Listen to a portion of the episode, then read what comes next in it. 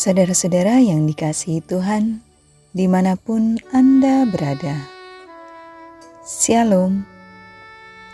Gembala menyapa hari ini diambil dari Kitab Amsal pasal 25 ayat 28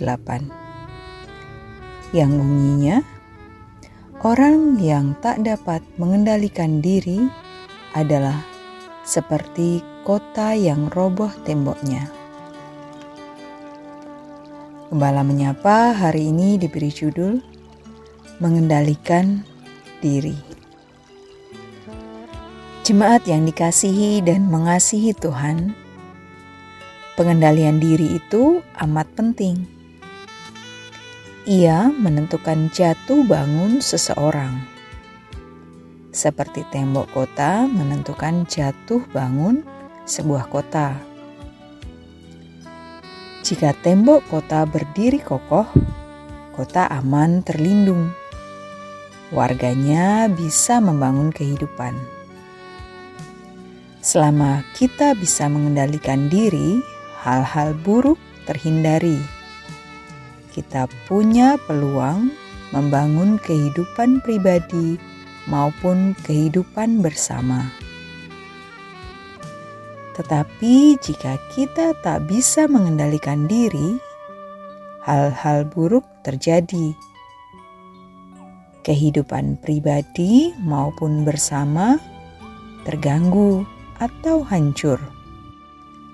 Orang yang tak dapat mengendalikan diri adalah seperti kota yang roboh temboknya, kata Amsal.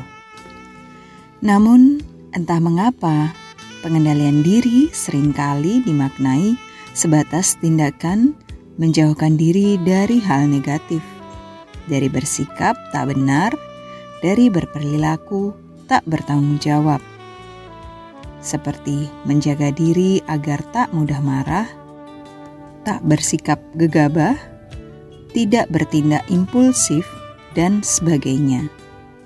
Sebatas itukah mengendalikan diri? Mari kita renungkan. Saat kita berkendara, kita tak hanya mengendalikan kendaraan untuk menjauhkan diri dari terpeleset, menabrak, dan hal buruk lainnya.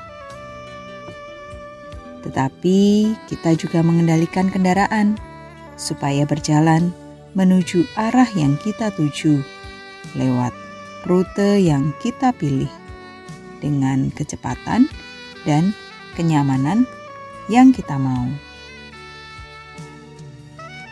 Demikianlah, mengendalikan diri tak cuma menjauhkan diri dari hal negatif.